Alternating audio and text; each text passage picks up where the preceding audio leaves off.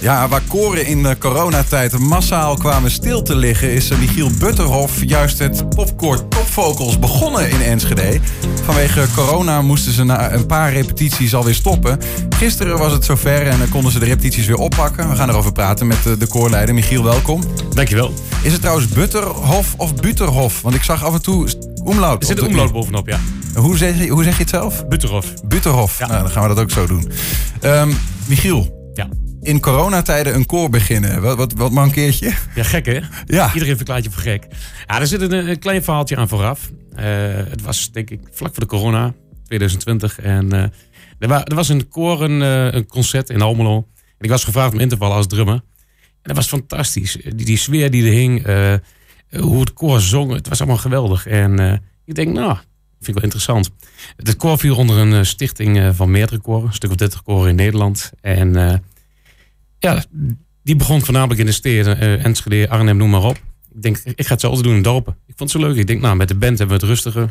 Ik ga een koor oprichten. Niet wetende dat het stil uh, zou komen te liggen. Dat was dat Top Vocals? Uh... De Top Vocals, ja. Ik heb een website aangemaakt. Ik ben begonnen met uh, in Holte. Ook in Overijssel. Ik denk, dan ga ik beginnen met een koor. Kijken of mensen interesse hebben. Kijken of het leuk is. En dan doe ik eigenlijk hetzelfde wat, wat ze daar doen met de steden. doe ik in de dorpen.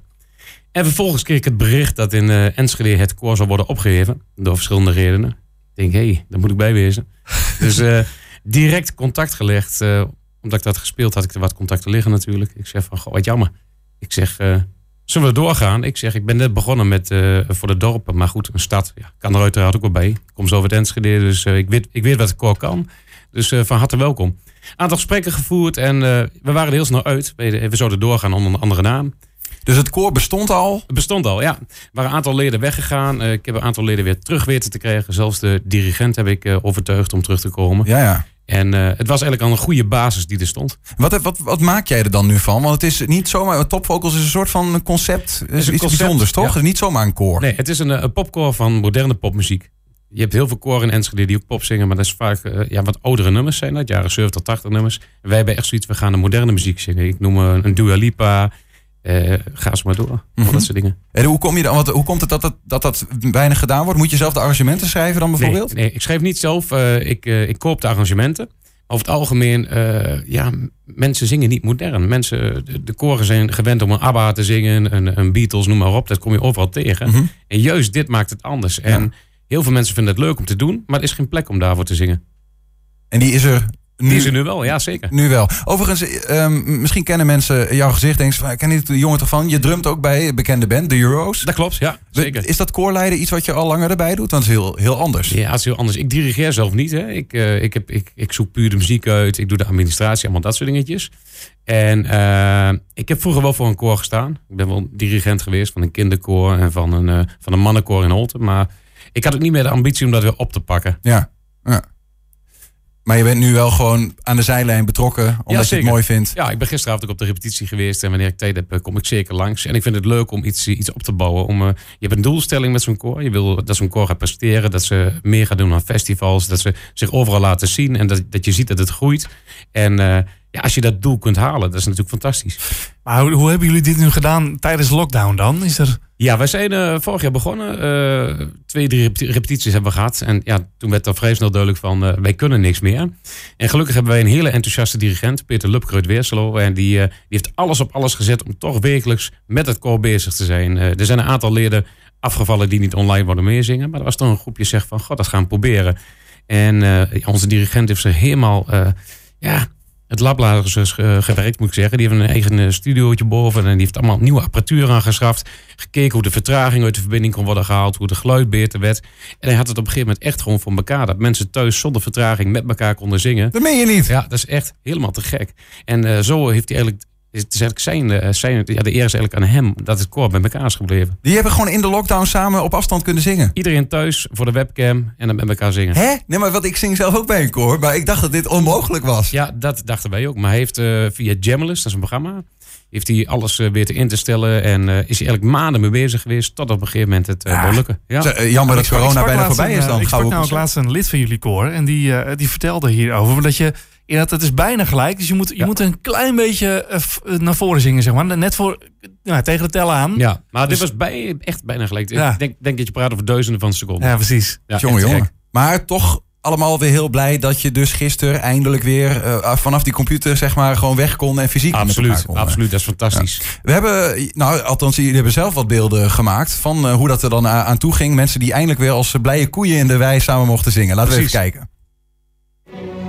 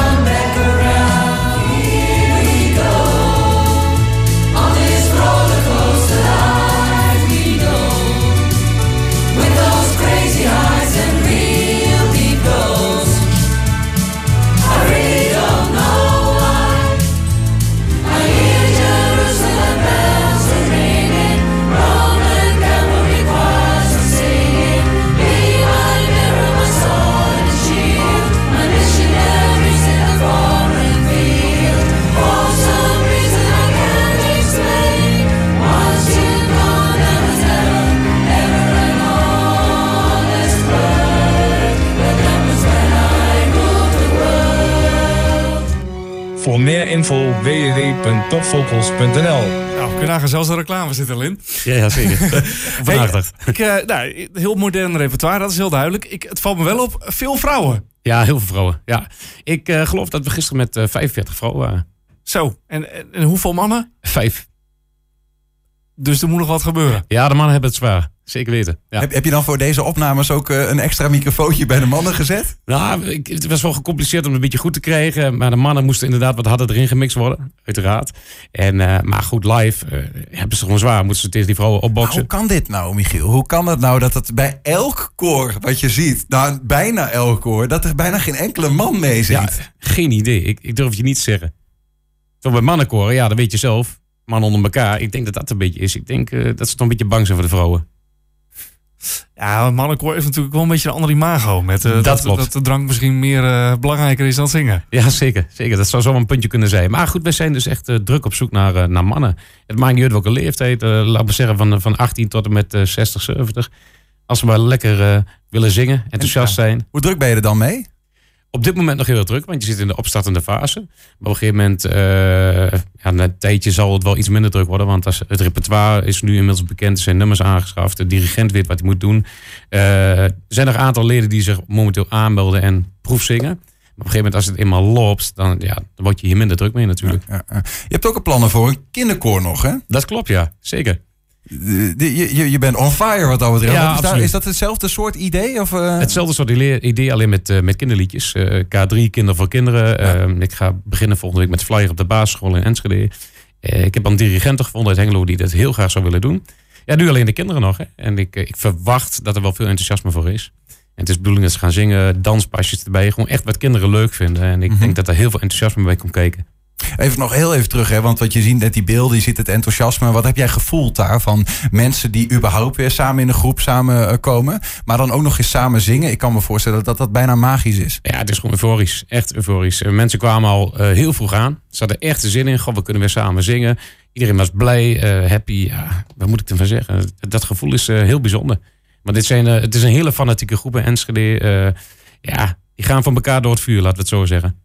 Wanneer kunnen jullie voor het eerst uh, zien, zeg maar, in volle glorie? Zien ja, dat is lastig, hè? Dat is lastig om te zeggen. Uh, er staan voor de rest nog geen optredens gepland. We gaan eerst weer uh, veel repeteren. Maar wat wel belangrijk is, 17 juli volgend jaar. Dat is zondag 17 juli. Dan organiseren wij een korenfestival in Losser het Top Vocals uh, Korenfestival. Er zullen andere koren ook optreden naast de koor van Top Vocals. En dat zal echt, uh, ja, dat zal een topmiddag worden. Hoe is dat eigenlijk met boekingen? Want, want eh, dat, uh, ja, op, ik neem ook aan dat boekers een beetje schaars zijn. Want ja, die weten ook niet wanneer hun festivals of eh, het buurthuis waar je misschien zou willen zingen, wanneer die jullie überhaupt kunnen boeken. Want wanneer mag het? Wat mag überhaupt? Ja, dat is moeilijk. Hè? Op zich, wij werken als koor niet met een, met een boeker natuurlijk. Maar eh, als je dan gewoon in de rest van de entertainmentbranche kijkt bij de boekers, ja, die, die weten niet waar ze aan toe zijn. Die zijn continu aan het verplaatsen, want dan mag iets wel weer, dan mag iets niet weer. Eh, als de dingen gebeuren, vaak op korte termijn, echt een aantal dagen van tevoren.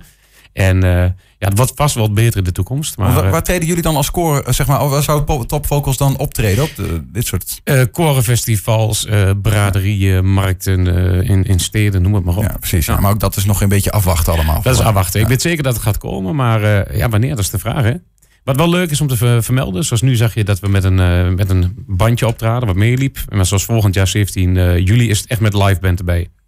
Kijk aan. Gaat dat zien. Eh, hopelijk eh, dan weer in eh, echt helemaal optima forma. Absoluut. Michiel Butterhof, dank voor je komst en voor een mooi nieuw koor in Enschede. Ja, jullie ook bedankt hè.